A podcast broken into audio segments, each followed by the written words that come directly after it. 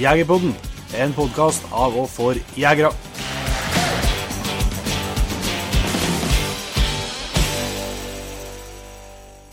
Yes, Hjertelig velkommen til en ny episode av Jegerpodden. I dag så setter vi faktisk i lag igjen, Jon Inge. Det har vi ikke gjort siden episode to. Nei, det var da rent og trivelig å sitte i et trangt rom med deg igjen. ja, med 30 grader og litt skikkelig mannlukt, så det hjelper på. Eh, vi skal ikke snakke så lenge før i dag. I dag har vi fått med oss en eh, stor profil i Kristoffer Klausen. Så vi skal straks sette over til han, men uh, vi må bare ta med helt inn starten her at det er veldig artig å følge med på Team Jegerpodden for tida. Ja da, det er virkelig Det er virkelig artig å følge med nå.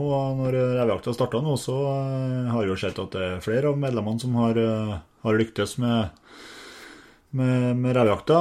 Både Kristoffer Overvik og Ole Marius Vormdal, Andreas Sørbø, Fredrik Furuseth, Jegerkameratene på Instagram, og Martin Østby og Kjetil Fjellvang har uh, fått felt opp til flere, jeg, hva? Yes. Så, og enda flere også, som har tagga bildene sine i, i, gode forsøk på, på reven, så det blir nok enda flere i, i, dagene som kommer. Men det er kjempeartig at det er så fart uh, rundt det teamet, og det håper vi vi skal klare å, å fortsette med utover høsten nå. Men jeg tror bare vi setter over til en Kristoffer og Jon Inge. Det gjør vi. Yes, da har jeg endelig gleden av å ønske Kristoffer Klausen hjertelig velkommen til Jegerpodden. Takk skal du ha. Det er hyggelig å være gjest her. det er tidlig å si ennå. ja da, men så, så, langt har det vært hyggelig, i hvert fall. det er bra. Det er bra. Du, jeg tenkte vi skulle starte med at du kunne fortelle litt eh, kort om deg sjøl. Du er jo en meget kjent jaktprofil eh, for de fleste, men eh, du kan jo fortelle litt om deg sjøl da Ja, ja, ja. Nei, Jeg heter jo Kristoffer, som sagt. Jeg er eh, oppvokst i Sørum kommune i Akershus. Eh, I dag så har jeg passert 40 år, så jeg er ikke noe ungebukk lenger. Jeg vil jo faktisk kalle meg sjøl en returbukk. Sånn, sånn, sånn, er det bare. um, ja, og, og, min jaktkarriere, da, siden det er, det er det, som er temaet her, den, den begynte jo uh, i Afrika. Uh, fordi at når jeg var unggutt, så flytta hele familien til Afrika. Pappa jobba der som lege. og så, Da var det ingen i, i familien som jakta. Eh, jeg har ikke noen fedre eller onkler eller besteforeldre eller noe sånt som har drevet med jakt, så det var, eh, det, det var, liksom ikke noe jeg vokste opp med før vi dro til Afrika. da. Men da, da ble vi invitert med på, eller pappa ble invitert med på en jakttur av noen nordmenn som bodde der. Og så fikk jeg mast meg til å være med på den turen da, og det var vel et vendepunkt i mitt liv. da, For det, det, var liksom så spennende at uh, etter det så har omtrent det eneste som har uh, rørt seg opp i huet mitt, har handla om jakt. Så, så, ja, og da, Det har jo da prega resten av livet mitt og, og, mine avgjørelser og mine prioriteringer, som har uh, ført til, til, dit jeg er i dag, da kan du si. Ja. Jeg har jo valgt et, et liv som ikke er A4, kan du si. Jeg har jo i og for seg valgt bort eh, familie og unger og uh, stasjonsvogn og hytte og ja, den, den biten der. Uh, til fordel for det livet jeg lever som en nomade prega av opplevelser i, i inn- og utmark. Ja. ja. Kan du fortsette? Det er jo ikke alle som er så privilegert som deg og kan, kan jakte så så mye, som du gjør. Kan du dra oss litt kort gjennom jaktåret ditt, og så og gjerne for å estimere litt sånn, uh, har du artig hørt hvor mange jaktdager du har i året? Ja, ja. Nei, det, jo, det, er jo de siste 15 åra som jeg har drevet med det her på heltid, kan du si. Og da eh, starter jo året egentlig nå for meg. Eh, jeg, jeg, føler at, at uh, i juli, kan du si, med, med bukkebrunsten, det, det, føler jeg på en måte er, er jaktåret sin start for min del. Og da de siste 13 eller 14 åra så har jeg reist fast til Polen på, på bukkejakt. Da, mm. da, begynner jeg jakta der, og så kommer jeg jo hjem derfra, så er det jo, eh, begynner jo bukkebrunsten her hjemme, eller bukkejakta vår. Eh, og da er det ofte litt eh, ja, lokkejakt på bukk, og så er det jo duejakt, eh, gåsejakt, eh, av og til reinsdyrjakt i august hvis det passer sånn. Og så kommer jo et annet høydepunkt, da kan du si, og da er det skogsfugljakta i Sverige. Ja. Um, og 25. august å reise over der og jakte med hund. Um, det, ja, så den bukkejakta som starter nå, og, og skogsfugljakta da, det er på en måte to skikkelig høydepunkter for meg, da. Ja. Også etter det så kommer jo september og oktober med brunst på både hjort og elg. Så uh, brøljakt på hjort er jo noe jeg veldig gjerne prøver å få med meg hvert år. Det er, det er spennende og fascinerende. Og vi har jo etter hvert fått ganske mye gjort i Norge, da, mange plasser. Mm -hmm. eh, og så vil jeg jo gjerne ha med meg noe løshundjakt på elg, eh, hvis det er mulig. Det syns jeg også er fascinerende. Og så er det jo utover eh, høsten, da kan du si oktober, november, desember, så kan du jo jakte alt mulig. Da er det jo skogsfugl, ja, både med hund og etter hvert når det kommer snø, så blir det jo toppjakta. Og så løshundjakta på elg kan du holde på med mange steder fram til jul. Eh, rådyrjakt med hund osv. Så, videre. så kan du si fra august da, og fram til jul så prøver jeg å ikke ha noen sånne store utenlandsreiser. Da, for da, da, skjer det jo så mye spennende her hjemme i Norge og Norden. Så da, da syns jeg det er fint å være her. Yes. Uh, ja, og så kommer jo vinteren og ja, Hvis det er forhold for det, så er det jo fint å, å dra på litt toppjakt i Sverige i januar. Um, og så roer det seg jo litt, egentlig. Da, da har jeg jo brukt egentlig mye av vinteren eh, på å reise litt rundt og ha foredrag. Og så kombinere da med revelokking hvis det er føre for det, da. Det, det varierer, varierer, jo veldig fra år til år. Og så kommer jo da våren med, med beverjakta, som på en måte er litt sånn avslutning på sesongen, føler jeg. da. Eh, jeg, jeg prøver å ha med meg litt beverjakt på våren, fordi det er rett og slett veldig trivelig. Mm.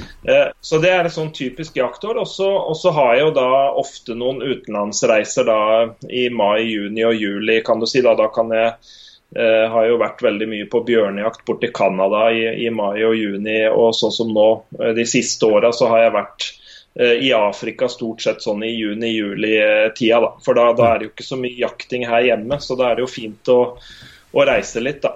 Ja, ja du, hadde, ja. du kommer vel tilbake, akkurat tilbake fra en Afrikatur nå? Ja, jeg har hatt fem uker der nede nå. Det er jo kombin det, er ikke så mye jakting, det er mye safari. Eller det vil si jakt, jakt, med kamera, kan du si. da på disse store rovdyra. Sånn, det det syns jeg jo er veldig spennende. Så mm, man må jo ikke skyte alt man ser heller. Det, ja, det, men det er det samme her hjemme, sånn som på sommerstid. Å kjøre rundt og, og på elgsafari, som vi kaller det i distriktet her. og det er På den tida her er jo det ofte det beste, når de går i åkeren og, og beiter og sånn, og kjører og bare ser på viltet. Det er jo det er veldig artig, det òg. Helt klart. Ja. Det er lærerikt òg, for resten av ja. det som skal skje utover høsten. Ja, så Det er et sånn typisk jaktår for meg, egentlig. Og så spurte du om antall dager på, på jakt. så, så er det jo ofte rundt, rundt, et par hundre dager. Men det, det, er klart at det er jo ikke nødvendigvis fulle jaktdager. F.eks. jeg glemte å si åtejakt på rev på vinteren. Men drar jeg og sitter eh, tre-fire timer i åtebua på en, en, natt, liksom, så har jo det vært en jaktdag. Selv om ikke det er en full jaktdag i den forstand. Eller om eller om man lokker eh, fire poster etter revet en morgen som bare tar to timer, så har man jo eh, vært på jakt den dagen, da. Yes. Mm. Ja. Og så redigerer jeg jo all filmen, alle filmene som jeg publiserer, det redigerer jeg jo sjøl, så jeg må jo skvise inn litt tid til det innimellom. Eh, men det syns jeg er veldig artig artig jobb, da, kan du si. For å uh, sette seg ned og så uh, gjenoppleve det, det, man har uh, opplevd ute i skogen. Og så sette noe sammen og lage et, og se at det blir et produkt av det. Da, at man skaper noe. Så det er jo en, en kul følelse, egentlig. Helt klart. Ja, du har jo virkelig sett standarden der. Det var jo noen som, som produserte jaktfilmer før, før, du kom inn i markedet òg, men det ble ja, jo en ny standard før etterkløsen her. Ja, Det, det veit jeg ikke om jeg er den rette til å si, men, men jeg, prøver jo, jeg, prøver jo, å gjøre mitt beste. og Det, det er jo mange som lager film etter hvert, og, og, det er mye bra filmer der ute. Altså, så, men uh, ja, så man må, jo, man må, jo, prøve å gjøre det beste, i hvert fall. Ja, ja men altså, det, det, er masse veldig mange dyktige nå. Men i hvert fall har jeg en sånn tydelig opplevelse av det at, eh, at det ble mye mer uh, jakt på film. Ja. Etter du kom inn mer inn liksom jakt om film. Ja da, ja da, det er sant, det. Ja. Og nå er vi jo, vi er jo veldig heldige, vi som lever i dag, eh, bare i forhold til når jeg starta med dette, med, med, teknologien. da. Nå finnes det jo veldig mye varianter av kameraløsninger og alt sånt som man, kan få til ganske mye bra på egen hånd nå, faktisk. da. Mm. Ja, helt klart. Ja. Har dere prøvd litt, eller? Og filma litt? Uh... Jon Inge har filma en del. Ja, jeg har gjort filma en del, ja. Uh, ja. Men det blir noe jeg blir, jeg, jeg blir, litt mer opptatt av å få For jeg jakter stort sett bare med hund, ja. Så jeg blir stort sett litt mer opptatt av å, av å få felt i stedet for å så plutselig kommer jeg på at jeg har kamera. Men jeg, eh, har fått til nå en del fine situasjoner på, på film. Det har jeg. Ja, ja. ja, men jeg ser den. Jeg kjenner meg litt i det du sier der, at, eh, at veldig mange er jo De vil jo ha fokus på jakta, ikke sant? Ja. Så, eh, og ikke filminga. For det er veldig vanskelig å ha full fokus på begge deler. Det greier man ikke. Så, sånn at eh, når jeg filmer, det, det, beste blir jo når jeg er som egen kameramann på si og bare har fokus på filminga, ikke sant. Ja, ja. Eh, da også kan jegeren konsentrere seg om å jakte. For det er, det er vanskelig å få til begge deler bra. Vi snakka, vi jo litt om det når vi snakka med Anette Dahl i en, forrige, i en tidligere episode her, at, eh, at vi, vi, tror at det er noe av det som er grunnen til at, at dine filmer er såpass vi kan jo si at han filma såpass mye bedre enn enn en de, fleste. En de fleste andre. At når du går med kamera sjøl, så er du såpass god jeger du selv, ja, at, at, du, at, du, vet hvor viltet kommer, og at du har en enorm evne til å fange viltet på film. Ja da, ja da, det er klart det er en fordel å være jeger sjøl. For jeg har jo av og til skulle hatt med noen folk som har filmerfaring, men som ikke er jegere, til å skulle filme jakt, og det er ja. helt sjanseløst. Ja det, det, går ikke. For du må, du, må, liksom skjønne litt situasjonen og prøve å forstå hvor, hvor det skjer det, ikke sant. Mm, ja. så, um, du blir alltid for sein, ja. Ja. Man, man, blir ofte det da. Mm. Ja. Men jeg tenker vi kan ta litt videre. Eh, du er jo et, eh, åpenbart et stort forbilde både for oss og for, for mange andre. Både som, som, eh, som, som jeger, selvsagt, men også som altså, at du har liksom klart å ta det steget som mange drømmer om, sant? Å, kunne, å kunne faktisk kunne leve, gjøre et levebrød av det. Kan ikke du ja. si litt om den reisen liksom fra Du var litt på jaktstarten din på liksom Afrika, men liksom eh, mer ja. fra uh, du begynte å se at dette kunne bli et levebrød, til at det, til at det ble det, ja. på et vis? Ja. Det, det, begynte jo den gangen jeg og en kompis bodde oppe i Snåsa. Eh, når, vi, når, vi, hadde en, en, høst og en vinter der hvor hvor vi leide ei seter uh, i Snåsa og også delvis da på svensk side i Gjedde der. Mm. Og, og, ja, vi, vi, skulle bare ha et friår hvor vi skulle jakte og, og han kompisen min skulle fiske og vi skulle drive friluftsliv. Og så, da hadde jeg jo aldri gjort dette noe kommersielt eller tjent noe penger på det, eller noe sånt, men det var bare litt tilfeldig at uh, rett før det, bare noen måneder før det, så kjøpte jeg meg et videokamera. Um, jeg kjøpte et ganske bra videokamera som, som, den gangen var bra nok til å kunne produsere film for TV. Da. Ja. Eh, det, det, gjorde jeg. Og så kjøpte jeg da en hel del bøker om hvordan lage film. Eh, rett og slett pensum på norsk filmskole. Da. Det kjøpte jeg. Og så, og så, og så tok jeg med det ut i Snåsa. Så jeg, jeg var egentlig helt grønn. Men så drev vi og filma litt etter hvert, og så leste jeg disse bøkene. og så, det er klart, Etter hvert da så forsto jeg jo mer og mer av det som sto i bøkene, hvis du skjønner hva jeg mener. Ja, ja. Eh, og da eh, gjorde vi jo ting på vår måte den gangen, men det det endte med, var jo at etter den turen så fikk jeg jo solgt eh, tre programmer til TV 2. Og da tenkte jeg jo at jøss, eh, når jeg som en helt amatør kan få til å få ting rett på TV, det var jo en veldig sånn bra kickstart for meg. Eh, og, det var, og, det var, etter da jeg begynte å lage jaktfilmer. også. da hadde jeg jo vanlig jobb ved siden av. Da jobba jeg som, eh, som eller jeg jobba på et ungdomshjem, en sånn barnevernsinstitusjon, eh, den gangen. Men så blei det jo da mer og mer at filminga blei på heltid, da kan du si. Ja. Eh, så, så, det var sånn det ble. Og så har jeg jo gjort uh, mye rart uh, underveis, kan si. Jeg har opplevd veldig oppturer i form av at jeg var heldig når jeg begynte å lage jaktfilmer. Så var, det, var timinga veldig bra. Det var akkurat når jeg lagde min første film, så, så var DVD-en akkurat kommet på markedet. For jeg husker at vi diskuterte om, om vi skulle gi ut første filmen på VHS eller DVD. Ja. Um, fordi at da var det jo Det var faktisk den gangen det fortsatt fantes VHS. Hvis du snakker med en, eh, en 15-åring i dag, så vet du ikke hva det, hva det er for noe. Men, eh, men, hvis du har passert 40 år, så vet du hva en VHS er.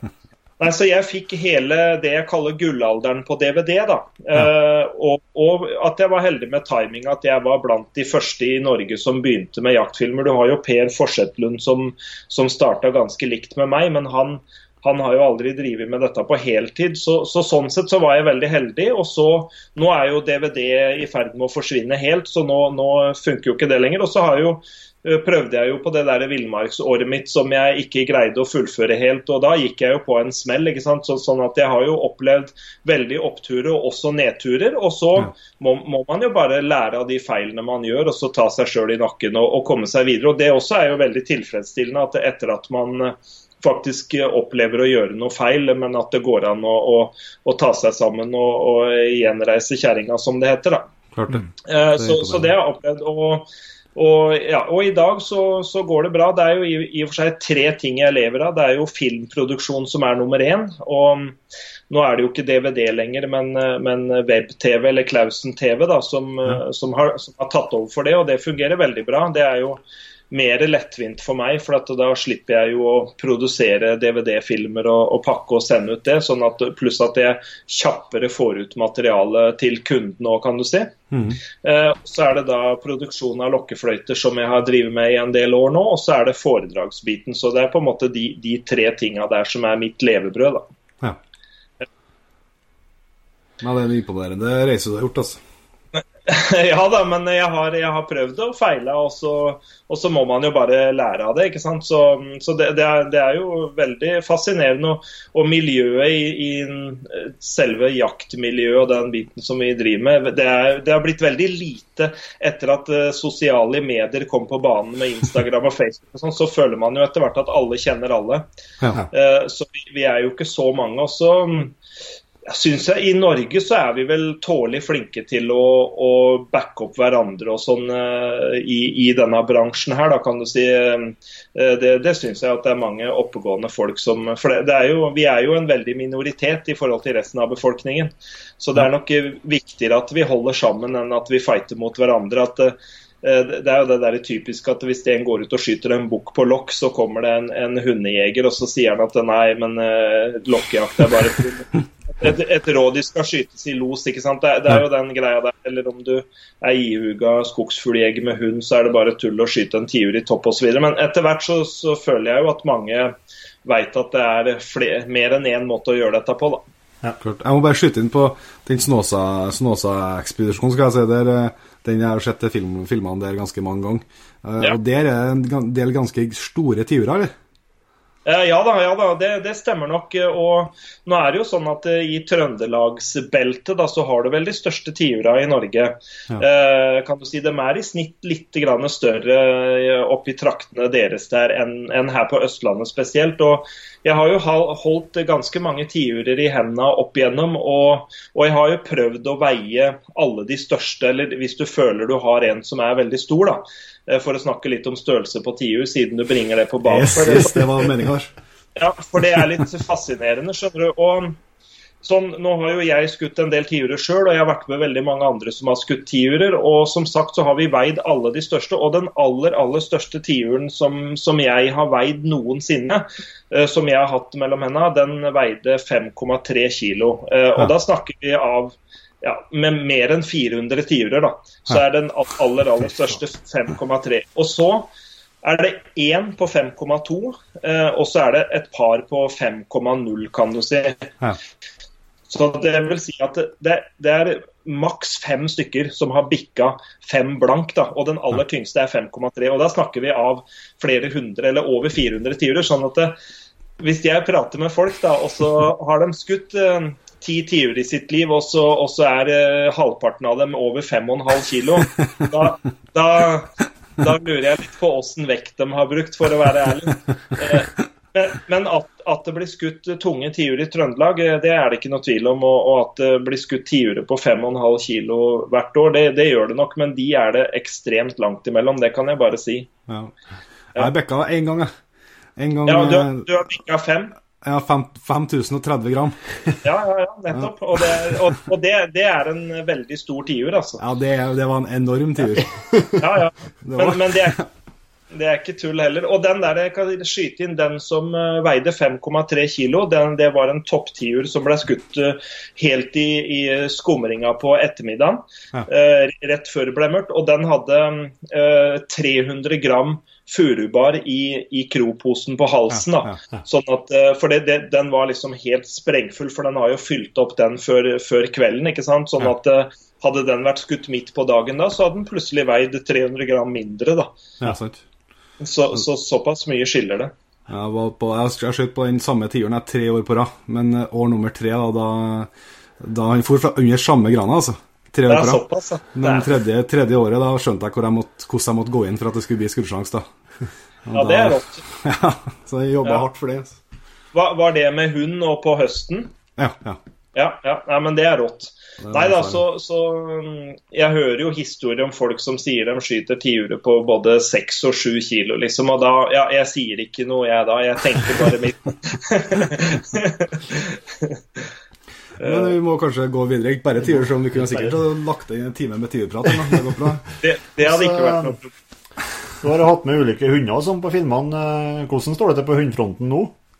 Nå, nå, er det eh, veldig rolig. Det er stille i heimen eh, på den fronten. Jeg har jo hatt uh, Gordon-settere da i 21 år. Uh, ja. to, to, to, forskjellige, da. Som hun første ble jo faktisk over 15 år, og hun, ja, 15 og et halvt år, og hun nummer to ble nesten 15. Ja. Så det ble, ble voksne hunder begge to. Um, og så, um, når, når, jeg tok livet av hun siste, eh, så hadde jeg egentlig bestemt meg for at jeg ville ha en liten pause. Jeg ville bare kjenne hvordan det var å ikke ha hund. Og så akkurat da var det liksom litt, litt dårlig med skogsfugl et par år. Mm. Eh, sånn at jeg Ja, jeg tenkte Og så har det jo blitt sånn at jeg, jeg reiser mer og mer òg, da. Eh, og da, da, har jeg jo fått, fått, litt dårlig samvittighet uh, av å måtte enten spørre moderen eller sette hunden på kennel eller snakke med noen venner eller venninner eller noe sånt. Så, så at uh, det ble egentlig da litt behagelig å ikke ha hund, men så har jeg vært heldig å, å få lånt uh, eller leid litt forskjellige gode hunder. Da. Så jeg har jakta med ganske mye forskjellig. Pluss at jeg har kompiser som har forskjellige hunder og sånn òg, som, som, vi bruker en del. Så Uh, og uh, også gjorde, kjøpte jeg meg jo en elghund, for jeg tenkte at jeg, jeg er fascinert av storviltjakt, og særlig løshundjakt på elg. da. Så jeg ville prøve det. Men der òg var timinga veldig dårlig. Der jeg bor jo midt i ulvesona med ulverevirer på alle kanter her. Og, uh, ja, og, og en, en, elgstamme som egentlig er synkende mange steder og sånn. Og så har jeg da var det det med reisinga i tillegg. Så har jeg en, en, god kompis som, som, jakter en del elg og som er flink med hunder, han Ole Mathias Fjellskogen. Så han, han tok over den tispa, da. Ja. ja men, men, hun fungerer veldig bra. Hun blir tre, eller hun er tre år nå, så hun er egentlig har, har begynt å uh, vise veldig bra takter. Eller det gjorde hun i fjor, da. Så, det, så, vi har planer om å jakte litt med hun uh, nå til høsten. Ja. ja. Akkurat. Men uh, vi så jo til vår store glede her, da, Kristoffer, at du la ut på Instagram i dag at du hadde, at du hadde tatt til vettet og, og henta deg en, en blazer. Men, ja, kan ikke du si litt om uh, våpen og utstyret og litt uh, samarbeidspartnere du har, ja. uh, har nå? Ja. Nei, mange, mange, er jo opptatt av det med våpen og utstyr og det greiene. Yes. Jeg, har, jeg har egentlig aldri vært noe sånn veldig opptatt av det, kan du si. Og nå har jeg vært heldig, og, eller jeg driver jo med det her som levebrød, så jeg har jo hatt sponsorer i, i mange år på, på, våpen og utstyr. Da. Men eh, jeg kan jo bare si det at hvis ikke jeg hadde vært sponsa, Eh, så hadde ikke jeg gått og kjøpt meg en jaktrifle til 50 eller 70 eller 100 000, for å si det sånn. Det kan jeg bare si med en gang. Da, da, da hadde jeg mest sannsynlig kjøpt meg en Tikka? Som, ja. Eh, som har god presisjon, og som er billig, og som, som tåler røff bruk. da. Ja. Og så vet jo mange at jeg har brukt Sauer i mange mange år, som har vært helt topp rifler. Jeg har vært veldig fornøyd med det. Men så følte jeg at tida var moden for å prøve noe nytt. Altså, jeg har inngått samarbeid med Jakt og friluft i Arendal. Eller, ja, eh, Jakt og friluft har jo også en butikk i Gjøvik. Men jeg, jeg, har jo helt siden jeg starta med, med, dette her som levebrød, kjent jakt og friluft og, og handla masse der før i tida. Og, og Are Venemyr og de som jobber der, møter jeg jo stadig rundt på forskjellige skytestevner og sånne ting. Veldig trivelige folk. og så og så har det bare blitt helt naturlig å, å gjøre et samarbeid med dem. Ja. Og da, da, stemmer det som du sier. I, i dag faktisk så, så var jeg henta min nye Blazer R8 Suksess i kaliber 6,5 med en, en Seis eh, riflekikkert på, og så en, en Atec Optima demper. Da, så, sånn at eh, det er mye bra både optikk og dempere og børser på markedet. Så eh, jeg, jeg har hatt en Blazer R8 før en, en kort periode, og den, den smalt når du dro i avtrekkeren. Den, og det tror jeg den, den her kommer til å gjøre opp. Nei da, men både, både, Blazer og Sauer eh, Nå er det jo sånn at det, det er samme kar som eier eh, både Blazer og Sauer. Det er jo én mann som eier eh, Blazer, Sauer og Mauser, men, men, de opererer som tre forskjellige selskaper for det. da. Ja. Eh, og, og, de eh, løpene f.eks. blir jo laga i samme maskiner. Enten det er til Sauer eller Blazer, så er det jo samme, samme stål og samme maskiner. Så, så, de er jo kjent for god presisjon. Eh, og, og og disse riflene er jo også kjent for å fungere bra. så mm, Sånn at uh, Jeg er ikke noe, jeg noe bekymra for at ikke den laseren skal, skal, gå bra, for å si det sånn. Nei. Jeg gleder meg til å bruke den. Har du noe, har du noe annet samarbeidspartner annet enn Jakt og friluft, eller på noe, på noe teknologi eller på klær, eller? Ja, når, når, det gjelder klær, så så har jeg ikke noen faste samarbeidspartnere akkurat for øyeblikket. Men, eh, men, bilen er jo et verktøy jeg bruker mye. Jeg, jeg, sitter jo mye mer i bil enn jeg holder ei børse i hånda. så Sånn er det. Så jeg har vært veldig heldig og fått en, en bra samarbeidsavtale med Isuzu Norge, også noe som heter MC og, og Fritidssenteret. Ja. Så det, det, det, er jeg veldig fornøyd med. Og så er det jo Seis på optikk, eh, kan du si. Så ja. Jeg har egentlig Jeg prøver jo å begrense litt det derre jeg, jeg, ønsker ikke å ha 10 eh, eller 20 samarbeidspartnere, for til slutt da så, så, greier du jo ikke å tilfredsstille alle. Så jeg har alltid hatt sånn at jeg, jeg vil begrense antallet, så vil, jeg vil heller ha noen solide, eh, gode partnere, kan du si, som, eh, som, ja, som jeg syns står for noe bra, da. Sant. Ja. Det er nok en god, god leveregel, tenker jeg. Ja, det kan hende, men det, nå er det jo forskjellig øh, syn på det. Altså. Men det har i hvert fall passa for meg, for jeg har ikke lyst til å gå rundt og ha dårlig samvittighet for å ikke kunne tilfredsstille partnere, kan du si. Det, det, det, det har jeg ikke noe ønske om. Så, så jeg, er veldig fornøyd med, med alle partnere jeg har hatt. Ja. Ja. ja. men Det er interessant å, interessant å høre. Det er jo litt sånn del av øh, av øh, det universet som, som, mange er litt interessert i, men kanskje ikke vet så mye om. liksom. Så det er interessant å høre litt, høre litt fra dere som er inni det. Ja, du har rett i det. Man ser jo nå med, med Instagram-verden og, og, Facebook og alt det der, hvor, hvor, opptatt folk er av de tinga der, da. Ja, helt klart. Mm. Ja. Men uh, vi har jo lagt ut uh, på forhånd uh, at vi skulle ha med, ha med, deg som gjest, og det sparka løst i kommentarfeltene der, så.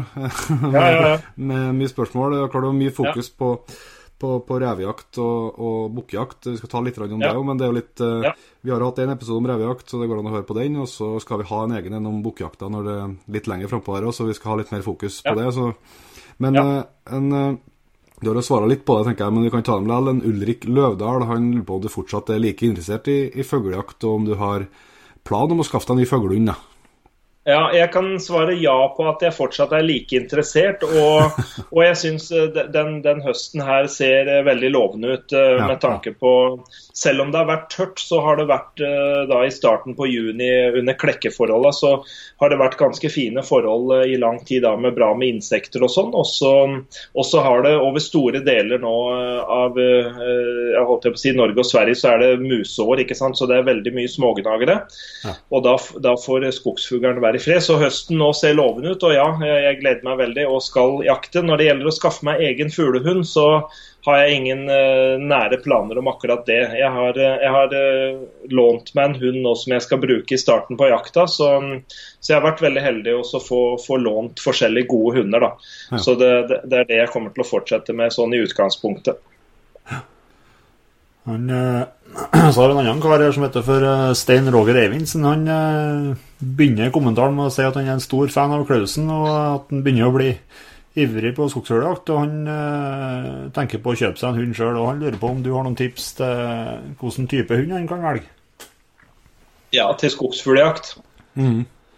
Ja. ja. Eh, nei, det, eh, jeg har jo hatt gordonsettere sjøl, og det er ikke fordi at jeg mener gordonsettere er noe bedre enn noe annet. Det var litt tilfeldig. sånn at eh, når det gjelder skogsfuglhunder, så, så, tror jeg det er mange, mange, typer som fungerer bra. Om det er Gordon-setter, engelsk-setter, irsk-setter eller forster eller pointer eller noe sånt. Jeg, jeg, tror ikke det har så veldig mye å si. Det har det, det, er jo, det, er jo, den som kjøper hunden og som, som jeg føler har uh, bestemmer mye hvordan hunden blir, da, kan du si. Uh, og, da, og, og, det som jeg, jeg har jo ikke hatt noe fokus på å lage jaktprøvehunder. Jeg ville bare ha rene jakthunder, så de har jo rampa i oppflukt. Og de hadde nok aldri fått noe premie på noe jaktprøve, men de har gitt de, de, har gitt meg mye glede i skogen. Altså. Men det, Folk har jo forskjellige prioriteringer, men jeg, jeg, har i hvert fall tenkt sånn at hvis man skaffer seg en hund, så ta den med mye ut og, og ta den med på det som skjer. Det er sånn som, som jeg har gjort også. En fuglehund så er det jo en stor fordel at man har bra grunndressur. da. Mm. Det, det, gjør jo alt lettere i forhold til hele hundeholdet, kan du si. Så, så, det prøvde jeg jo faktisk med når jeg skaffa den elghunden nå. Så trente jeg veldig mye lydighet. Og noen er jo ikke enig i at man skal gjøre det, men jeg syns det er veldig ålreit uansett hva slags hund man har, da. Ja, skal ha hund hele året. Ja, det er nettopp det. Og, og, de fleste jakter jo bare med en hund kanskje maks én måned. ikke sant? Så mm. har man jo elleve måneder til som man skal ha hund. da. Ja, ja, ja. Uh, jeg vet ikke, Har du drevet noe mye med fellefangst uh, på mår og sånt, uh, du Kristoffer? Ja, Nei, jeg har ikke drevet mye med det. Jeg har drevet litt med det. Og så har jeg noen kompiser som driver en, en hel del med det. Ja. det så, sånn at jeg, jeg, er på ingen måte noen ekspert på, på det feltet der. Selv om man plukker opp litt her og der. Ja, for du har to stykker her. Kristoffer Mathisen og en som heter Tre stykker faktisk som har spurt om, ja. om eh, fellejakt på mår. Eh, ja. Alexander ja. Grills Bakken og en som kaller seg ja. Morkvetle. på Instagram, sikkert. det. Eh, om du har noen tips til dem som driver med det om vinteren? Ja, med, med mår, mårfangst. Det varierer jo veldig fra år til år eh, hvor lett det er å få mår til å gå i fella, f.eks. Så du kan godt ha mye mår i skogen, men de trenger ikke å være lette å få til å gå i fella. For det hvis det f.eks. er veldig smågnagerår, så de har uh, eh, ubegrensa med, med, mat å få tak i utgangspunktet, så er de jo selvfølgelig vanskeligere å få til å gå i enn om det ikke finnes smågnagere og de flyr rundt og er sultne. Og så det, det, gjelder jo med, med mårfangst, som, eh, som, jeg har skjønt, så er det jo å, å finne ut hvor måren eh, trekker, kan du si. Mm, ja. Og Da er det jo å gå, gå og leite mårspor og så sette feller da i, i, nærheten av der man har uh, mårspor. da. Og, og, akkurat det med i forhold til innåtning og hva man skal bruke og sånn, så har jeg jo inntrykk at uh, der er det like mange meninger som, som, som det er, feller? Ja, som det, som det er feller. Men en, en, ting kan jeg si som, som, er et tips, eh, og det er at uh, bruk feller som, som, slår hardt, for å si det sånn. Mm. Fordi at man får, man får, jo kjøpt feller med, med kanskje litt svakere fjære og sånn. Også etter hvert nå som folk har begynt med viltkameraer uh, og setter viltkamera på fellefang, så har det jo kommet fram en, en god del uh, ikke fullt så bra episode hvor folk har, har fått filma at Morn går i fella, og så henger han i ei felle i, i opptil mange timer eh, før han mm. faktisk dauer. Og fordi at folk skal spare noen kroner på å kjøpe ei litt billigere felle som, som, kanskje ikke er like bra. og Da tenker jeg at uh, investere i, i gode og, og, og, slagkraftige feller som, har, ja, som slår hardt, da, for å si det sånn. Sånn at man, man er sikre på at uh, målen stryker med. Det, det, tenker jeg er et, et bra tips uh, av hensyn til målen òg, kan du si. da. Ja. Ja. Man ønsker at når den går i fella, så blir den knerta tvert. Uh, ja. Helt klart. Mm. Skal vi Det er ikke at jeg skal, skal dra det som noen uh, ikke er ekspert på mårfangst, men vi kan jo dra det inn på noe som du har uh, veldig dresen på. Det gjelder uh, fløyta, lokkefløyta. Ja, det er en som heter for Jan Erik Løland, som har kjøpt seg Predator 3. Ja, stemmer. Den har du sikkert liggende på sida der. Han, her, han, lurer på hvordan han skal blåse den her for å få best lyd, for han uh, har tydeligvis uh, sittet og sammenligna sin egen lyd med din, og får, får, ikke til samme lyd som du får til. nei, nei da, og nå er det ikke nødvendigvis sånn at den lyden jeg lager er den eneste riktige, for det har jeg veldig mange eksempler på. Og, ja. sånn at det er, det er, ikke noe sånn at det er én, én fasit at, eh, at, du må lage en lyd sånn og sånn når det gjelder de forskjellige fløytene. for at jeg har jeg har jo min måte å gjøre det på. Også hvis du lokker inn en, en, eller hvis du får inn en rev på én lyd, så er det jo naturlig at du vil fortsette å prøve litt med den lyden, f.eks. Ja. Eh, men så har jeg òg vært med så mange forskjellige folk som lokker både med mine fløyter og andre fløyter, som det låter helt annerledes enn når jeg gjør det, men, eh, men det kan komme akkurat like mye rev på det, eller like lite. Men den Predator Call 3 som var snakk om her, den, den, er jo superenkel i bruk. Den er, eh, når jeg blåser den fløyta, så dytter jeg lufta bare sånn rykkvis inn i fløyta. Eh, jeg kan jo prøve å blåse litt her, og så får dere se hvordan det, det låter eh, på opptaket deres.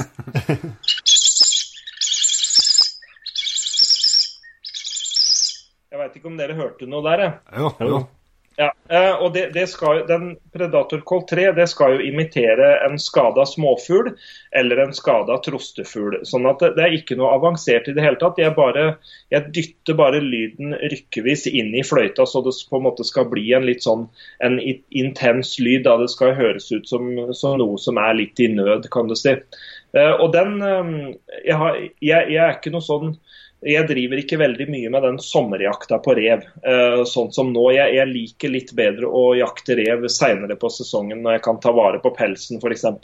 Ja. Uh, men for de som driver med det nå, så er fugleskrik en veldig fin lyd. og Jeg var med en kompis ut her nå første morgen, uh, eh, 15. da det starta. Og da fikk vi en Vi, hadde, vi lokka på to forskjellige rever med den fløyta her. Den ene kom dundrende rett inn, og den andre brydde seg ikke noe. Og Det er helt typisk eh, for, for, rever. De er individer, og noen kan eh, reagere eh, på en måte, og andre ja. Så, så, det er ikke noe sånn at om du har sett en rev fast på et jorde, så, så er det sånn at da kommer den på lokk. Det, det, trenger ikke å, å bety det. det. det. er helt opp til reven. Ja. Så det, det der med revelokking, det er vanskelig. og ja, der, der, har jeg prøvd å feile veldig mye. Men eh, det er jo bare å ikke gi opp, da. Det må jo mm. være regel, regel nummer én. Ja. Men du kan si litt, eh, Nå er vi inne på snakka om Predator 3. Eh, du har jo etter hvert begynt å, å, å solgt en god del fløyter under eget navn. Kan du si litt om hvordan de, hvordan de blir til, og, og hvordan det starta? Ja. Ja.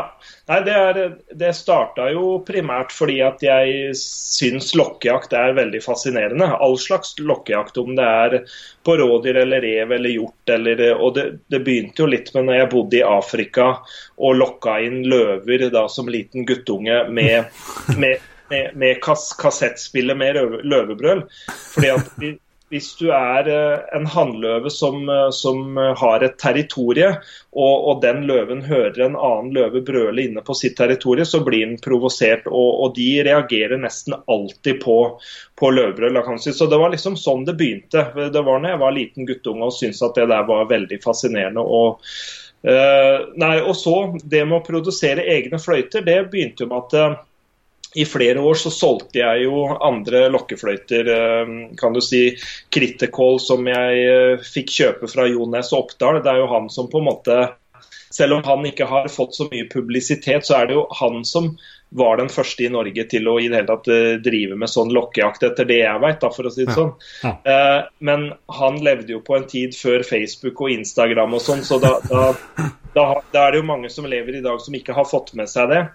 Eh, og så begynte jeg jo da å kjøpe ja, Critical-fløyter fra han. Jeg kjøpte disse håndlagde eh, lokkefløytene fra Klaus Demmel fra Tyskland. Og så, eh, så jeg det at når jeg solgte sjøl og drev nettbutikk den gangen, så blei det jo en veldig priskrig på dette fløytegreiene. ikke sant? Og ja. da med alle andre butikker. Eh, og Da tenkte jeg at det der gidder jeg ikke, så da lager jeg mine egne fløyter. Eh, for da, da, da er det ingen som kan drive priskrig med, med, med de, hvis du skjønner. Skjønner, skjønner. Ja. Og da er det et, et, lokalt verksted, et sånt plaststøpeverksted som heter A-kabel, som, som, ligger lokalt her, hvor en kompis av meg eier, eier det. De støper i utgangspunktet plastkomponenter til til flybransjen og oljebransjen. Eh, okay. Så de hadde aldri produsert lokkefløyte før, men de har en, en veldig god designer. Så Jeg satte meg ned sammen med han i en del timer, og så, og så begynte vi da på tegnebrettet, da, et 3D-program på dataen, og, og, prøvde oss fram. Og så finner vi da noen fløytevarianter som kan se bra ut på, på tegning, eller som en, en 3D-variant, men det er ikke sikkert at det låter bra. Eh, og For å finne ut det, så må vi jo lage prototyper. ikke sant? Ja. Og de, de, må jo testes ut. For det, aller viktigste hvis du skal produsere og selge ei lokkefløyte, så er det jo at lyden er sånn som du vil ha den, og at den fungerer, kan du si. Og da da må man jo lage prototyper og prøve å teste kan du si, i, i praksis. da. Så det er jo mye jobb, og det er ikke gjort på 1, 2, 3. Hvis du skal teste en lokkefløyte på rev, så må du jo lokke inn uh, x antall rever så du ser at dette her fungerer, ikke sant. Så det er sånn den prosessen er en veldig morsom prosess i og for seg. Og så er det jo sånn at alle fra, fra dag én, alle lokkefløyter jeg har solgt, og det er mange titalls tusen, så er alle uh, satt sammen og montert i Norge. Hver eneste membran til hver enkelt fløyte de har jeg håndstansa ut én og én. Med, et sånt stanseapparat, og, og, de aller fleste fløytene blir da montert og satt sammen av meg, eh, eller eh, to venninner som har hjelpa meg litt hvis jeg har vært mye ute og reist og sånn. Så de blir eh, de, de, er made in Norway. ja, Det er litt kult. Det er sikkert ikke alle som er klar over. Nei da. Nei, det, nei, mange tror at dette er noe billig plastdrit som kommer fra Kina, men, men, det er det faktisk ikke. Altså, det, er, det, er, produkter som jeg er stolt av å, å ha både laga og, og, kan selge, kan du si. Og, og mange får dem jo til å funke òg, men, men lokking er vanskelig. Altså, så det handler jo i utgangspunktet om å være på rett plass til rett tid. Ja, ja, ja. Mm. Hører, hører, dere, Får dere en grei lyd, eller? Yes, det er helt supert. Er helt supert. Ja, ja. Kan jo, det er jo flere av lytterne våre som, har, som lurer på om forskjellige sånn lokke, tips til lokkejakt og sånn på reven. Kan du ta litt av sånn kjapp oppsummering og komme med noen noe tips som er Ja da. Eh, ja, det, det, varierer jo veldig fra årstid til årstid, det med revelokking. For det, det er stor forskjell på å lokke rever nå på sommeren kontra på vinteren eller vårvinteren. Men, eh, men tipset nå på, på, den tida her, da, det er jo det, det, er ikke noe Man trenger egentlig ikke å være ra, ra, rakettforsker for å skjønne det. Men, eh, men, men ungrever eh, kan det jo være mye av nå. Og de, de kan bli skremt av hareskrik. Så, så jeg har jo forskjellige typer hareskrik som som, da, som, som, er litt i overkant å bruke på ungrever nå. Og Da er det jo sånn type fugleskrik og, og musepip og mer forsiktige lyder. da kan du si. Jeg har jo den eh, Predator Col 2 som kan lage hakkespett i nød, og den vanlige treeren som, som lager fugleskrik eller skada småfugl.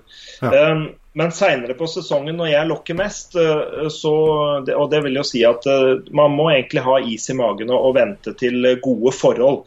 Og Det gjelder jo all, all lokking, egentlig, og spesielt revelokking, at uh, bare ha is i magen og vent til forholdet er bra. Uh, og, og, Når det gjelder vinterlokking vi, vi, du, Dere har jo intervjua Ulf Lindroth, som, uh, som, kan veldig mye om revelokking, for å si det sånn. Og, og det, dette kunne vi jo snakka i flere timer om. Um, så, så, jeg, jeg veit ikke om vi skal gå i, i, dybden på det nå, men Nei, men uh, ja, det er nok viktig å sette seg litt inn i det, og det, og det fins veldig mye info på, på, internett om dette nå. Ja, ja, ja, helt klart. Og ikke minst episode 11 av Jegerpodden. Ja, ja, ja. Men uh, for å bare runde av uh, den her rev, revestikket, som det heter på radiospråket. Ja. Det er en som heter for Jan Hugo. Eh, ja. som uh, har fått med seg at du har smakt uh, på ræv en gang, og lurer litt på hvordan du gjorde det. Ja, ja, ja. For kanskje litt oppskrift, jeg vet ikke. ja, ja. Nei, jeg, jeg, har smakt rev to, to ganger. Um, og den ene gangen, det er jo den som uh, mange snakker om som, uh, som har vært vist på TV og, og, og YouTube osv. Og, så og den, den, gangen så hadde jeg jo skutt en rev som den hadde hengt altfor lenge. Så han hadde liksom begynt å bli litt sånn grønn på magen. Og den, den, den, den, den stinka rett og slett dritt. Så jeg, jeg, burde jo egentlig aldri spist den reven. Men den, den både både lukta vondt og smakte vondt, og det var en voksen vinterrev. Um, så det, det, kan jeg ikke anbefale. Men det som derimot funker, er hvis man skyter en ungrev sånn som nå, da, en, en årsvalp. eller en ungrev generelt, og man tar den når man har flådd den og legger den f.eks. i en bekk, eller legger den i en bøtte med vann med rennende vann, en hageslange eller noe sånt, så kan den ligge over natta i rennende vann.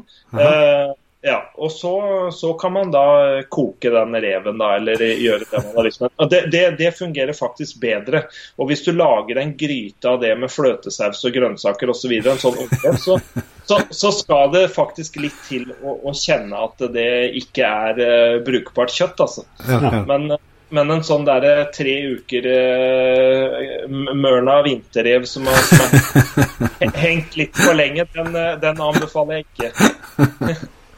Vi kan, vi kan vel konkludere med at vi har såpass mye godt viltkjøtt i Norge at man kan kanskje bare ta skinnet av reven. Ja, jeg, jeg, vil vel anbefale det. Sånn ja. Men eh, hvis vi skal dra oss litt over på sagt, så er det mange som har spurt om, eh, om tips til bukkejakta. Det er ikke så rart den holder på å nærme seg. Vi skal ha en, eh, en, e-, egen episode om det. Men eh, en som heter Magnus Hagen, han har eh, kjøpt en sånn eh, lokk til rådyr på stand der på Villmarksmessa. Ja. Og man sliter litt med å få samme tone hver gang, for når man har prøvd den ut, så kommer det opp forskjellige toner. Sin. Om du ja, har noen ja, gode triks til han, hvordan kan få den, treffe den samme tonen hver gang? Ja, eh, For det første så er det ikke sånn det, er ikke nødvendig at man må treffe den samme tonen hele tida. For dette, dette, har vi prøvd veldig mye. Så det, det er, eh, man har egentlig veldig mye å gå på. Der handler det mye om å treffe rådyr, rådyra på rett plass til rett tid, da, kan du si. Og ikke, ikke være redd om man lager feil tone. Men et tips der med den rådyrlokken, det er at jeg jeg biter ned på membranen. Eh, når jeg putter den inn i munnen, og så tar jeg fortenna og liksom biter lett ned på membranen. For da, da, låser man tonen eh, litt bedre da, eh, ja. enn en, føler jeg i forhold til en, en hareskrikfløyte hvor jeg på en måte legger leppa nedpå. Så tar jeg og biter ned, og så støter jeg lufta ganske hardt. Det som er med den rådyrlokken min, det er at jeg har, som jeg nevnte, litt tjukkere membran, og, og da skal det mer kraft til for å få den til å vibrere. Men fordelen med det er at da får du en høyere lyd. Og, og jeg ønska å lage en rådyrlokk med så god rekkevidde som mulig. For i Norge så kan det ofte være langt mellom bukkene. Og jeg vil lure bukken til, til, å tro at jeg er nærmere enn jeg er i virkeligheten, hvis du skjønner. For, for, å, for å, trigge den til å komme til meg, da kan du si. For da, da kan du La oss si at det er en bukk som er 500 meter unna, og så tror han kanskje at jeg er enda nærmere. Da er det lettere for at den kommer inn på lokk, enn om du har en, en fløyte som lager veldig forsiktige lyder. Da. Og Det kan jeg i hvert fall si at jeg har aldri opplevd eh, at, at rådyrlokken har skremt vekk rådyr. Eh, jeg bruker å si at det verste som kan skje, det er at, eh, at bukken ikke bryr seg, kan du si. Ja. Og da, da, spiller det egentlig ingen rolle hva du gjør. Hvis han er i det humøret, så bare bryr han seg ikke. Nei, så Trikset der det er å bite det på membranen. Og så, som jeg nevnte for dere tidligere her, at uh, hvis man føler at uh, man sitter og blåser i sånne membranfløyter, og det gjelder alle, alle typer fløyter med membran, at hvis du får mye fukt eller spytt på undersida av membranen, så vil den da suge seg ned, og så vil du føle at, at lyden låser seg, at du ikke får noe lyd. Og Da er rådyrlokken min laga sånn at da kan du bare nappe ut den membranen hvis du føler at det skjer, og så tørker du av den membranen og fløyta og bare dytter den på plass igjen under strikken, og så kan det fortsette. Mens på en god, en god del andre sånne rådyrlokker så sitter den membranen fast, og hvis du da får spytt under den, så er egentlig lokkeøkta di litt um, ødelagt. da. Ja. Akkurat. Ja. ja men det, et, eh, det, var et eh, godt svar, det. Eh, det er flere som har, som har spurt om tips til bukkjakta, Inge? Ja da. Både Håkon Beistad og Andreas Saksvold og Jon Salve Eieland, Kenneth Høyen og Tonje Deve. Eh, de eh, lurer generelt på litt sånn enkle tips til, til bukkejakta, og hvordan man skal lykkes med å, med å felle bukken nå i august. Så du ikke sånn ja. fokus på det med hvor lenge du lokker på hver post og sånt, eh, den, ja. den type ting? Ja, ja, ja, ja stemmer. Eh, nei, det, det, er interessant det der. Jeg, jeg har jo ikke noe sånn helt fasitsvar på gjør sånn og sånn, så, så vil, eh, vil, du lykkes med det. For, man, man, må prøve å feile litt. Men men, et veldig bra tips jeg har, det er ikke være redd for å bruke lokken. Det, det, er, det er, min erfaring. da. Nå skal jeg ikke si at, at, dette jeg sier nå er det eneste rette, men det er min erfaring. og det er som jeg sa, at Hvis jeg gjør noe som funker, så vil jeg jo gjerne fortsette med det. ikke sant? Men det finnes helt, helt klart andre måter å gjøre det på. Men jeg blåser mye og høyt i lokkefløyta. Jeg går jo ut på post, velger en post hvor jeg har god oversikt. For Hele clouet er at du vil oppdage bukken før han oppdager deg. Så ikke gå og stell, stell deg inn i et tett kjerr eh, med, med, lite oversikt når man skal lokke rådyr. Finn en eller annen plass med litt overhøyde. Det kan være litt glissen skog. Jeg vil gjerne se minimum 100 meter rundt meg da, eh, når jeg lokker rådyr, sånn, sånn at jeg kan rekke å oppdage bukken for å få skutt den. Fordi om du går og steller deg i helt tett skog, så vil, du få inn rådyr da, men det du vil oppleve da, er at han går bare rundt deg, og så får han vinden av, deg. ikke sant? Ja. Eh, og Man må jo få anledning til å skyte den, det er jo det som er poenget. da. Så finner en litt oversiktlig plass, så steller jeg meg der, og så kjører jeg egentlig på med, med intense lyder. da, Høye og intense kontaktlyder og, og hetslyder om hverandre. og og lokker da nesten kontinuerlig de første fem minuttene. Da, da, blåser jeg så mye i fløyta som jeg bare orker, og så tar du bare Du må sørge for at du rekker å puste litt òg, da, men eh, også hvis jeg har, hvis jeg kjenner på magefølelsen at dette er en god post, hvis jeg liker posten, hvis det er spennende å stå der, så kan jeg jo lokke uh, opptil en halvtime og av og til lengre på den posten. Men da, etter de første fem minuttene, så, så lokker jeg jo litt mindre og mindre. Da blir det litt pauser, ikke sant, hvor man Men jeg tar det bare på magefølelsen, kan du si, da. Ja. Uh, så jeg, jeg lokker generelt ganske mye. Og så, når jeg har gjort det da i en halvtime. Hvis det ikke har kommet noe da, eller av og til så kan man jo sitte lenger nå, så, så går man jo til neste post eller kjører bil til neste post, da kan du si. Ja, eh, og da spør jo folk Eh, hvor langt mellom postene. og Det er det jo terrenget som avgjør. Er det kupert terreng så du sitter på én side av en ås og lokker i én retning, så kan det hende du bare kan gå 200 meter over en kolle og, og lokke i motsatt retning. Mens er det flatt og åpent terreng, så kanskje man vil flytte seg eh, minimum 500 meter, da kan du si. Ja, ja. Men det er egentlig sjelden jeg trenger å flytte meg noe mer enn 500 meter eh, mellom hver post. Det, ja, for det er litt sånn erfaringsmessig at eh, de, de går ikke så mye lenger. altså Reviret er ikke så mye større enn at de, de kommer ikke liksom på en kilometer, liksom. Nei, det, det, skal litt til å dra inn. En, en, sjelden gang kan du oppleve det, men du må såpass nærme bukken at du må terge den litt. Du må provosere den litt. ikke sant? Ja. Og ofte da så må du innafor hans nærgrense. Uh, det er min erfaring. at du, du, kan stå og lokke på en bukk som du ser i kikkerten på, på 700-800 meter. Han bryr seg ingenting, liksom. Men så plutselig så, så er du 300 meter unna samme bukken, og da tenker han shit, dette er jo verdt å sjekke ut, og så, og så kommer han dundrende inn, da. Um, og så spør jo folk ofte når på dagen er best å lokke. og da er Det jo det er jo som regel tidlig på morgenen eller, eller på kveldingen. det er jo Prøv å lokke når dyra er aktive, da kan du si. Ja, ja. Og så har vi en, en som heter for, kaller seg for Jeger-Ola. Eh, ja. og Han stiller et spørsmål som jeg tror det er mange som eh, spør seg om, ikke om det er bare på, på, på bukkjakt heller, men det her med film og jaktfilm. Så skal jeg ja. si, Når du lokker, lokker bukk, tar det lang tid før den kommer inn. På filmene virker det som det tar 15,5 sekunder hver gang. Ja, ja. ja. Uh, ja da, nei, 15,5 sekunder tar det vel ikke hver gang. Men, men, det er litt sånn med rådyrbukken at um, du må ganske nærme dem for å få dem inn. ikke sant? Du, mm. du, du lokker ikke inn en bukk fra to kilometer. Sånn at det, eh, veldig ofte, de, de, gangene det kommer rådyr, så er min erfaring at det skjer i løpet av fem minutter. da. Mm. Um, uh, så 15 sekunder er nok Det, det er ikke regelen. Da, da, står den veldig nære. Og så er det jo litt sånn at uh, alt man ser på film, det er jo som regel de gangene man lykkes, ikke sant. Yes. Uh, men jeg har jo veldig Jeg har mange flere sekvenser hvor vi står og blåser og blåser og det ikke skjer en dritt. Men, uh, men det, blir jo, det blir jo kjedelig film, da, vet du. Så Sånn at Ja, nei, men, men du kan si Jeg bruker å si alt imellom 15 sekunder og en halvtime ja. kan ting skje. Men Eh, de fleste kommer i løpet av de fem første minuttene. Ja. Eh, hvis de kommer, eh, kan du si. Fordi at da er du såpass nærme dem at du, at du trigger dem litt. da.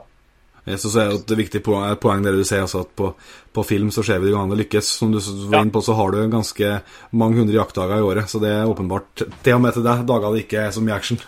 Veldig mye. Du kan si at jeg bruker å si for, for å lage en revelokkfilm med ti eh, revesekvenser på film, så har vi lokka minimum 100 poster. Det vil si at vi, at vi, vi får inn mer enn én en rev per tiende forsøk, men, eh, men, så vil du også få inn en del rever som du ikke skyter. ikke sant? Og og ting skjærer seg sånn. Så, så, vi bruker nok i hvert fall ti lokkeposter, eller i snitt kanskje ti lokkeposter for hver rev vi får på film. Så da kan du tenke deg at da, da har vi vært ute 100 Nå flyr forresten eh, titter ut av vinduet her, nå fløy det en rådyrbukk og jaga ei geit rett, rett, forbi stuevinduet.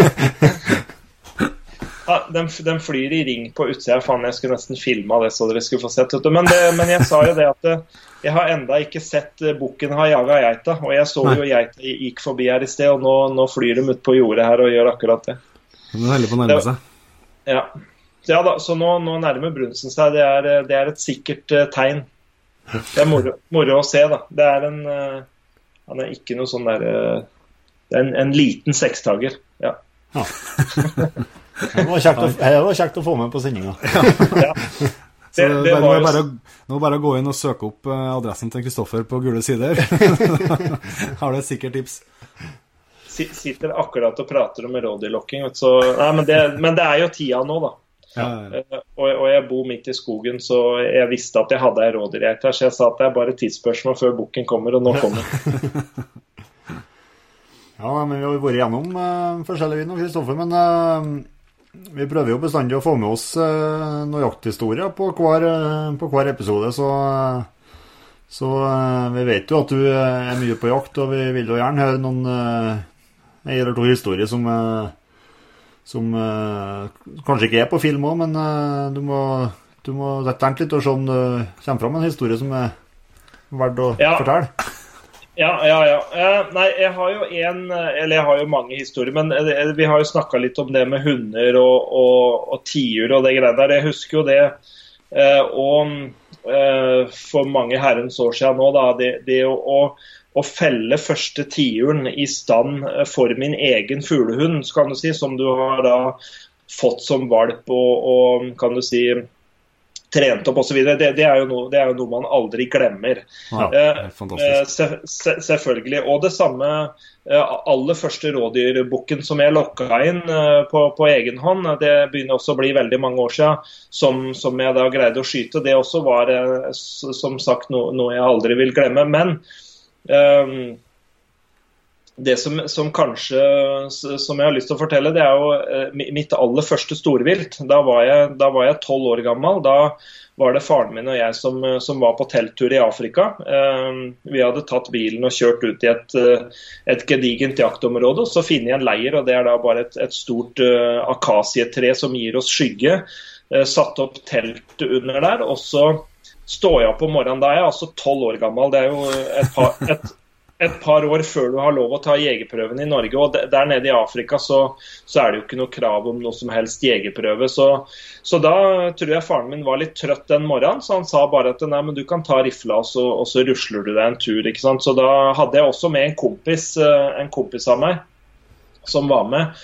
Og, og, han skulle filme dette her, da. Eh, for han hadde med seg et lite videokamera den gangen. Og så tusler vi da utover savannene nede i Afrika der og, og rusla flere kilometer av gårde. Jeg husker den, den følelsen da, som tolv år gammel gutt, å få gå al aleine eh, på jakt i Afrika med rifle på ryggen. Det er klart at Den friheten da som faren min ga meg, det gjør jo noe med meg som person. Han ga meg jo et, et veldig stort ansvar.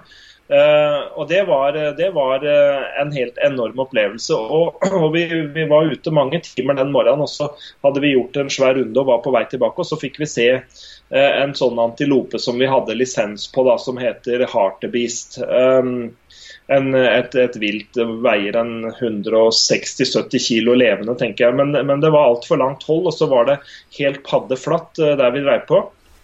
Uh, Og han, eh, kompisen min og jeg vi legger oss ned på magen og begynner å åle oss framover. Jeg hadde en, en sørafrikansk rifle i kaliber 3006, og så finner vi litt av sånn, eh, et, et, et, tre som hadde falt over ende, som vi greide å komme oss litt i skjul bak. og så dette, Vi hadde jo ikke noe avstandsmål eller noe som helst. Vi, vi syntes jo det var veldig langt. altså Jeg lå der og sikta på denne, og det blåste litt og sånn. og så, nei, men Jeg tenkte jeg må, jeg må holde litt høyt og skyte da. Og så skøyt jeg, og det da skøyt jeg forbi eh, denne hartebisten, eh, og så stø, når kula slo ned baken, så, så, så støva det, liksom. Og da, da stoppa jo den Eller da sto den jo der og titta bakover seg, så ble han vel litt skremt av den støvskya. Så kom han springende mot oss. Eh, Lokka inn, rett og slett? Ja, og stelte seg opp med breisida en gang til. Og da husker jeg skøyt enda et bomskudd før jeg fikk justert meg inn, og da, da traff jeg jo på skudd nummer tre. Eh, og, og, da, og da klappa den sammen. Jeg husker det da at det, å gå fram til den med rifla i hånda og den følelsen av å ha skutt mitt aller første storvilt, da, det, det, kan jeg faktisk ikke beskrive med ord. Men, men å da være aleine eh, sammen med han kompisen min eh, og på en måte være den, den, voksne som var der, hvis du skjønner, og ha, ha det der storslåtte landskapet og den der hartebisen som lå der, det, det var eh, helt enormt, kan du si. Og det har jo prega meg resten av livet. og så gikk det en times tid. Forfatter hadde jo hørt den der kanonaden ifra feltet, da. Så da, da, da, kommer han med bilen, og så, og så får vi lempa denne opp på pickupen og kjørt den opp i leiren og henger opp den i treet og flåren og sånn. Men, eh, men det, er jo, det, det, husker jeg som om det var i går, og det, det begynner å bli veldig mange år siden nå. ja, du sa en veldig bra historie. Du, jeg, bare, jeg må slenge inn ett ja, Bare kjør på, Kristoffer. Ja, det var bare det. Jeg begynte jo med å si at han kompisen min hadde med videokamera. Han hadde faktisk filma litt av dette, men rett før jeg skulle til å skyte, så, så gikk det kameraet tomt for strøm. Så da, da ble ikke den på film. så den gikk opp inn på Cløsen TV? Dessverre, for den skulle jeg gjerne hatt. Ja. Du, jeg bare har kom på, Hvis du fortalte om Afrika nå, et bonusspørsmål der, som jeg kommer å ta med. Du har jo vært rundt i, i store deler av verden og jakta. Eh, men hvis du tenker sånn, eh, sånn som meg, da, som eh, sparer litt til kanskje én jakt, jakttur hva er det du tenker for å få de største opplevelsene? Du er en litt sånn allround norgesjeger. Ja. Hva er det du tenker man bør, bør, satse på, du som har mye erfaring med det? Ja, det er veldig mye, og det er jo litt sånn smak og behag. Men det jeg kan sånn for min egen del, som jeg aldri, eller som jeg ikke har droppa nå de 15 siste åra, det er den, den brunstjakta på rådyrbukk i Polen eh, som jeg reiser på nå. for at det der, eh, jeg syns det der med, med de rådyrbukkene og sånn, det er veldig spennende. og Da har du det, det, med at du kan lokke dem inn i tillegg, og så kan du få eh, mye jakt for pengene. da kan Du si. Du kan jo reise til Canada å, skyte ett dyr for 150 000, eller du kan eh, reise til Polen og skyte fem bukker for 20 000. ikke sant? Sånn at det, det, er litt med hva man er ute etter. Men både det, eh, sånn brunstjakt etter rådyrbukk i Polen på den tida her, eh, eller Skottland har også veldig mye bra jakt å tilby. Der kan du få mye jakt for pengene. Det er bra jakt, og det er litt sånn samme jaktkultur som det vi har, da. Ja. ja men det er gode, gode tips. Ja. Absolutt. Men nå ser jeg at vi har holdt på tida, den tida vi tenkte, og, og vel så det. Og vi har ennå ikke eh, snakka om alt vi kunne snakka om, så vi må nok ha med deg, Kristoffer, flere, flere runder i Jegerpodden. Ja, det, det, går an, det, vet du. Men uh, du skal vel ut og skyte inn blazer? Det går jo sikkert fort, da. ja, det, det, det, blir ikke, det, blir ikke, i dag. og Nå er det jo, nå er det såpass tørt rundt omkring at man må jo faktisk finne en ja, ja. skytebane som er, er åpen. Sant. Men uh, ja, nei, Blazeren den skal skytes inn før, uh, før jeg skal til Polen. Den, altså, så um, det, det, er, det, er, også et bra tips at hvis man skal på, på en eller annen jakttur, så still med innskutt våpen. Jakttips nummer én. Ja. Det er jakttips nummer én, ja. ja. Nei, men jeg begynte jo med å si når det, dere introduserte meg her, at det var hygg, hyggelig å kunne være gjest. Og jeg får jo si at uh, nå som vi nærmer oss slutten, så at, at, det faktisk har vært veldig hyggelig. ja, det er bra. Det er, bra. Det er godt å høre. Det er godt å høre. Nei, men Da tror jeg vi sier tusen takk eh, til deg, Kristoffer. Og så får du ha lykke til i, i Polen og med videre jakt utover høsten, så snakkes vi helt sikkert igjen. Supert. Og fortsett jobben med, med podden deres. Veldig bra. Det skal vi gjøre. Mm -hmm. Ja, det var Kristoffer Klausen, det, Jon Petter. Yes. En meget imponerende jeger og en uh, utrolig kunnskapsrik uh, type. Ja. Det ble jo en, uh, en, litt lang episode, men det, det blir det gjerne. De, blir, de bruker bli det, men jeg tror ikke jeg gjør noe på her når vi har med oss en av Norges eller kanskje Norges største jaktprofil òg, så tror ikke jeg det har så mye å si. Det var mange gode tips og gode historier, så det håper vi, håper vi ble bra. Helt klart. Så jeg tror vi bare avslutter her, og så sier vi tusen takk til Kristoffer Klausen. Han kommer helt sikkert tilbake i Jegerpoden, det føler jeg meg trygg på. Eh, jeg vil òg si tusen takk til du som har vært med helt hit, og ikke minst, husk på å bli med i Team Jegerpoden. Du finner gruppa på Facebook og tagg dine bilder der, så er du med i teamet. Vi skal få til mye spennende der framover. Og ikke glem å følge Jegerpodden på Facebook og Instagram og på jegerpodden.no. Der finner du alt av episoder og det innholdet vi har. Så følg oss der òg. Takk skal du ha. Vi høres. Vi høres.